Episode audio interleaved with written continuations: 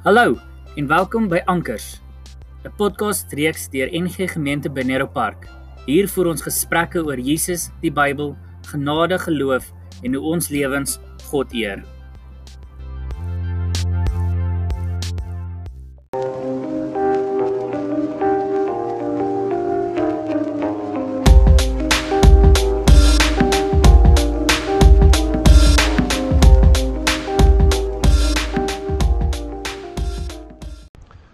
Goeiemôre. Dit is vandag Maandag, die 26ste Oktober. Vandag, oor 2 maande, is dit soos die Engelse sal sê Boxing Day, die dag na Kersfees.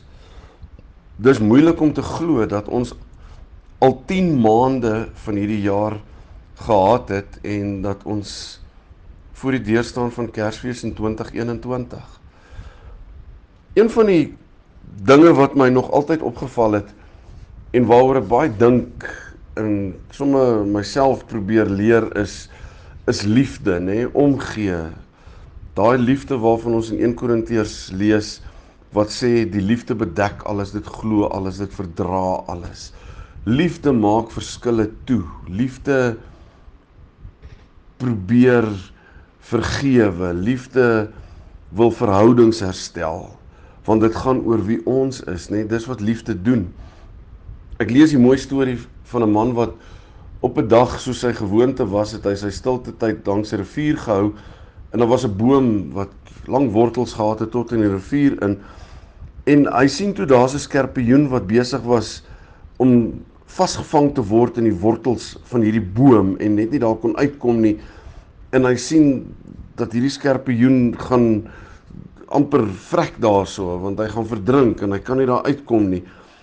Maar elke keer as hy nader gegaan het om hierdie skorpioen uit die water uit te probeer haal, dan hierdie skorpioen hom probeer steek.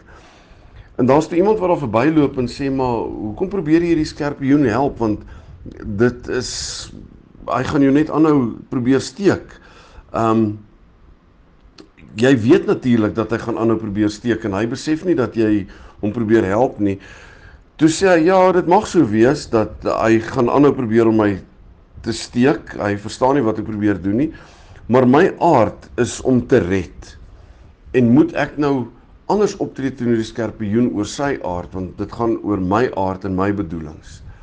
En dit het my baie laat dink en ek dink ek het al so een of twee keer daaroor gepraat om te sê ons moet onthou dat Christendom die manier waarop ek as gelowige optree is nie reaktief nie.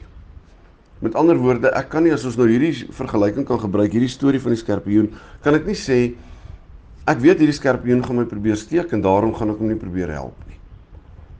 Want ons moet onthou, dit gaan oor wie ek is.